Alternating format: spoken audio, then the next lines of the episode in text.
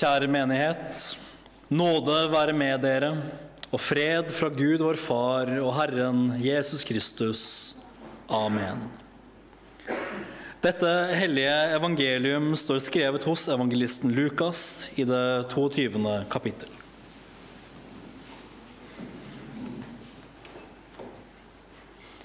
Men dere er de som har holdt ut sammen med meg i mine prøvelser. Jeg overgir riket til dere, slik som min far overga det til meg, for at dere skal ete og drikke ved mitt bord i mitt rike og sitte på troner og dømme Israels tolv stammer. Simon, Simon, se, Satan krevde å få dere i sin makt for å sikte dere som hvete.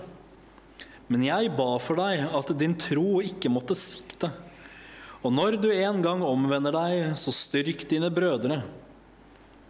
Men Peter sa til ham, Herre, med deg er jeg rede til å gå både i fengsel og i død.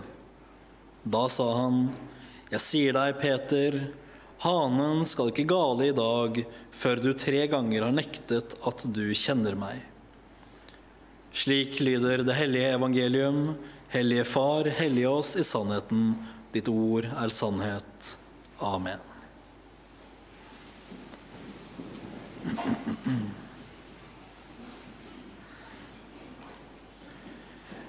Djevelen har all interesse av å se oss falle. Det er jo det som er hans store glede og oppdrag. Å friste de troende, og om han får det til, se til at de faller i synd, og til sist faller fra troen. Da har han utført det han gjerne ville. Og vi skal ikke lure oss selv til å tro at djevelen ikke finnes. Men sånn er det jo blitt i vår tid. At det er så mye i vår tro som skal bortforklares og forkastes. Kan man da i det hele tatt snakke om djevelen i dag? Nei, djevelen kastet vi vel ut da vi ble opplyste og tenkende mennesker sånn rett etter middelalderen en gang. Vi er moderne mennesker, styrt av fornuft og rasjonalitet. Djevelen tror vi ikke lenger på. Men det står bare mer og mer for meg hvor viktig det er å ta hele Guds ord på alvor. For hva blir konsekvensen i ytterste grad om vi ikke gjør det? Jo, vi gjør Jesus selv til en løgner. For hva er det vi ser i dag? Jo, vi ser at Jesus helt tydelig tar Satans eksistens som en skikkelse man kan forholde seg til, for gitt. Hva er det vi sier hvis vi sier at djevelen ikke eksisterer? Jo, vi sier at vi er klokere, smartere, mer opplyste og mye mer fornuftige enn Jesus Kristus. Om ikke det er å lande rett i hovmodets store synd, så vet ikke jeg. Men det som også er, er at vi risikerer å gå rundt og tro at alt er trygt og uten fare dersom vi ikke tar på alvor at djevelen faktisk på mange måter er ute etter oss. Og dette er ikke sagt for å skremme, for den troende har til syvende og sist ikke noe å frykte fra ham. Men vi skulle vel likevel være bevisst at han finnes, og hva han ønsker å gjøre, og hvordan han holder på. For hvis vi tror at djevelen bare er en oppdiktet sagnfigur, ja, da er vi som en som går omkring i fiendeland med arge fiender og motstandere på alle kanter, og sier til seg selv her er det trygt. Her er jeg blant venner. Her finnes ingen fiender. Jeg trenger ikke være på vakt. For det er nettopp å være på vakt det handler om. Å vokte seg mot det som er djevelens mange angrep og brennende piler. Og Det er særlig to måter Satan angriper oss på. Ved fristelse og ved anklage. Og det er jo det ordet Satan betyr. Anklager. Den harde sannheten er jo at han anklager oss med rette. Vi har en lang liste med mangfoldige synder, og han lister opp dem alle. Han holder dem klart for våre øyne og minner oss stadig på dem. Alle våre onde tanker, alle våre urene, urettferdige gjerninger, Alt det vi har forbrutt oss mot Guds hellige lov og bud hele vårt liv, fra dagen vi ble født og til i dag. Alt sammen holder han klart regnskap med og kan alltid konfrontere oss med. Og som om ikke det var nok, så vil han stadig lokke og friste oss til å gjøre nye synder. Ikke nok med at vi har vår menneskelige natur, med all den svakhet som vi bærer med oss, og som stadig lengter etter å gjøre det som er ondt, men så har vi en frister i tillegg. En som kommer til oss og lar oss tro at synden kanskje ikke er så ille likevel. Skal ikke vi kunne gjøre hva vi vil? Gud har vel kanskje skiftet mening? Eller du kan jo alltids vende om senere. Nå er det ikke så farlig med. Bare tenk på hvor deilig og søtt denne synden smaker nå. Ikke bry deg om evigheten eller det som kommer. Det er vel ikke så farlig. Litt skader vel ikke. Og slik lokkes og dras vi. Slik anklages vi. Slik jages og plages vi stadig av alle våre feil og mangler hva i alle dager skal vi gjøre? Hva i alle dager skal vi gjøre mot en så mektig fiende som anklager oss med rette og leder oss ut i de forderveligste fristelser? For en ulykke dette er. Om ikke. Om ikke vi hadde et forsvar mot alt dette. Og hva slags forsvar er dette? Jo, det er Guds konkrete handlinger med oss mennesker. Gud som strekker seg ned til oss for å by oss sin nåde. Dette er ikke min inderlige følelse av kjærlighet og hengivenhet til Herren, selv om det kan være gode ting, men i denne sammenhengen ville jeg ikke kommet langt med det. Jeg kunne følt det aldri så sterkt. Men like etter så ser jeg min synds urenhet som den er. Og jeg skjønner at jeg kan elske aldri så sterkt. Men syndene mine blir jeg ikke kvitt. Så hva skal vi gjøre når djevelen anklager oss? Når han taler sammen med samvittigheten vår om at vi er store syndere? Se, sier han, på alle dine synder, de er mange og store. Hvordan kan du i det hele tatt ha noe håp om noe annet enn den evige dom og død? Du som på så mange måter har handlet imot himmelens Gud. Men da skal du som er en troende, bare se til din dåp til den hellige dåp, der Herren selv rakte deg sin nåde, fødte deg på ny og tok deg til sitt barn. Der lærer vi, i tråd med Guds ord, som er knytt sammen med vannet, og disse Guds løfter som vi har der, har vi tilgivelse for syndene, frelse fra djevelen, dommen og fra døden og fra alt. Hva da med alle djevelens anklager om de er aldri så sanne? Vi er ikke rene i vår egen kraft. Men Gud har renset våre synder, så de blir hvite som snø, slettet dem ut. Han har tatt våre skitne filler av noen klær og kledd oss i høytidsklær, rene.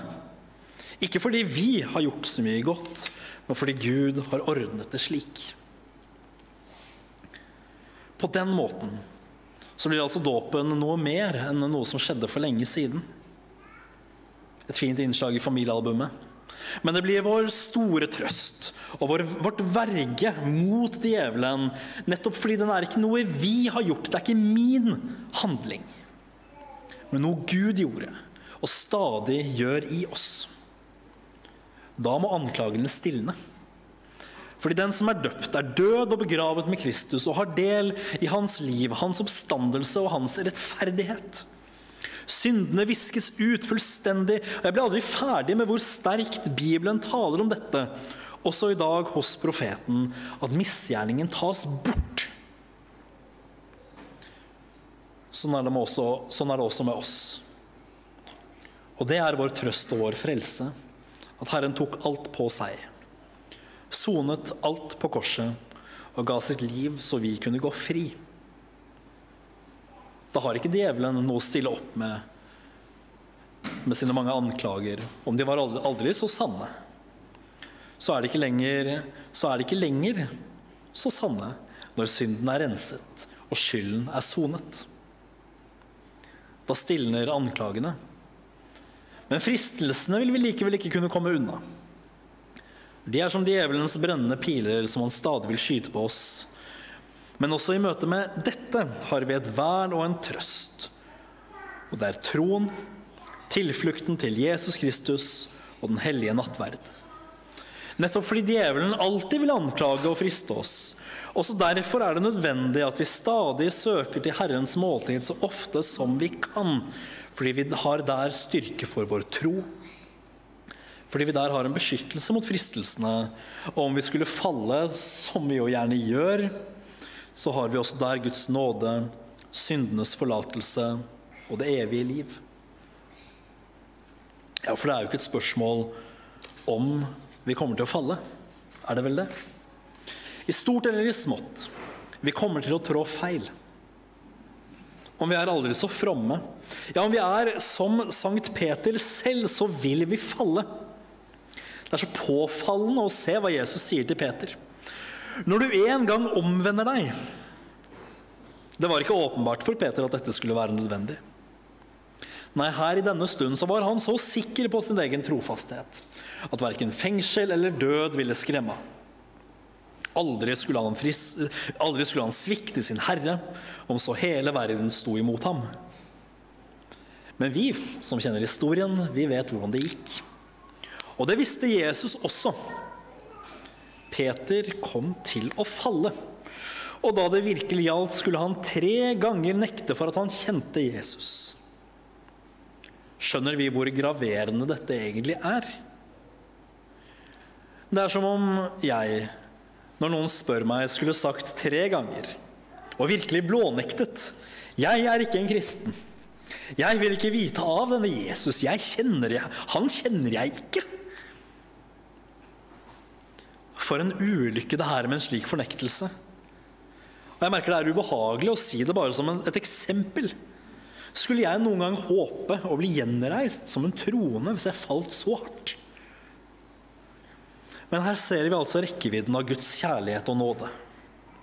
At selv for Peters svik var det nåde. Også der var omvendelsen en mulighet. Han som sviktet da det gjaldt. Og takk og lov for det. For om Gud ikke var nådig slik han er, ja, da hadde det blitt smått med mennesker i Guds kirke. Men heldigvis er ikke Kirken bare for de perfekte, men for alle mennesker som søker Herrens nåde. Og nå hører jeg at den setningen kunne, kunne tolkes som at noen er perfekte, men det, dere skjønner hva jeg mener. Men Kirken er for mennesker som søker Herrens nåde, selv feilbarlige mennesker. Og disse feilbarlige menneskene bruker Gud til å styre i sitt rike som han gjorde med disiplene, og også i dag bruker Gud syndere i kirken. Og i alt. Til syvende og sist så er det troen som ikke må svikte. Når troen ikke svikter, da kan djevelen bare rase så mye han vil. Han kan friste oss og anklage oss, men har vi troen, da har vi alt. Mister vi den, mister vi også alt. For i troen så har vi alt det djevelen sier at vi ikke har eller fortjener. Der har vi alt det han ikke unner oss. Om vi faller gang på gang, så må vi alltid vende om og komme til troen. Den tro på at ingenting av det Gud gir oss, er på grunnlag av vår fortjeneste, men at Gud alltid gir oss av sin nåde og tilgivelse fordi han har sin glede i det, av kjærlighet til syndene fordi han gjerne ville frelse oss. Og det Gud gjerne vil, det lover han også å gjennomføre. Ære være Faderen og Sønnen og Den hellige ånd, som var, er og blir en sann Gud fra evighet og til evighet. Amen. Da synger vi salmen på nummer 375.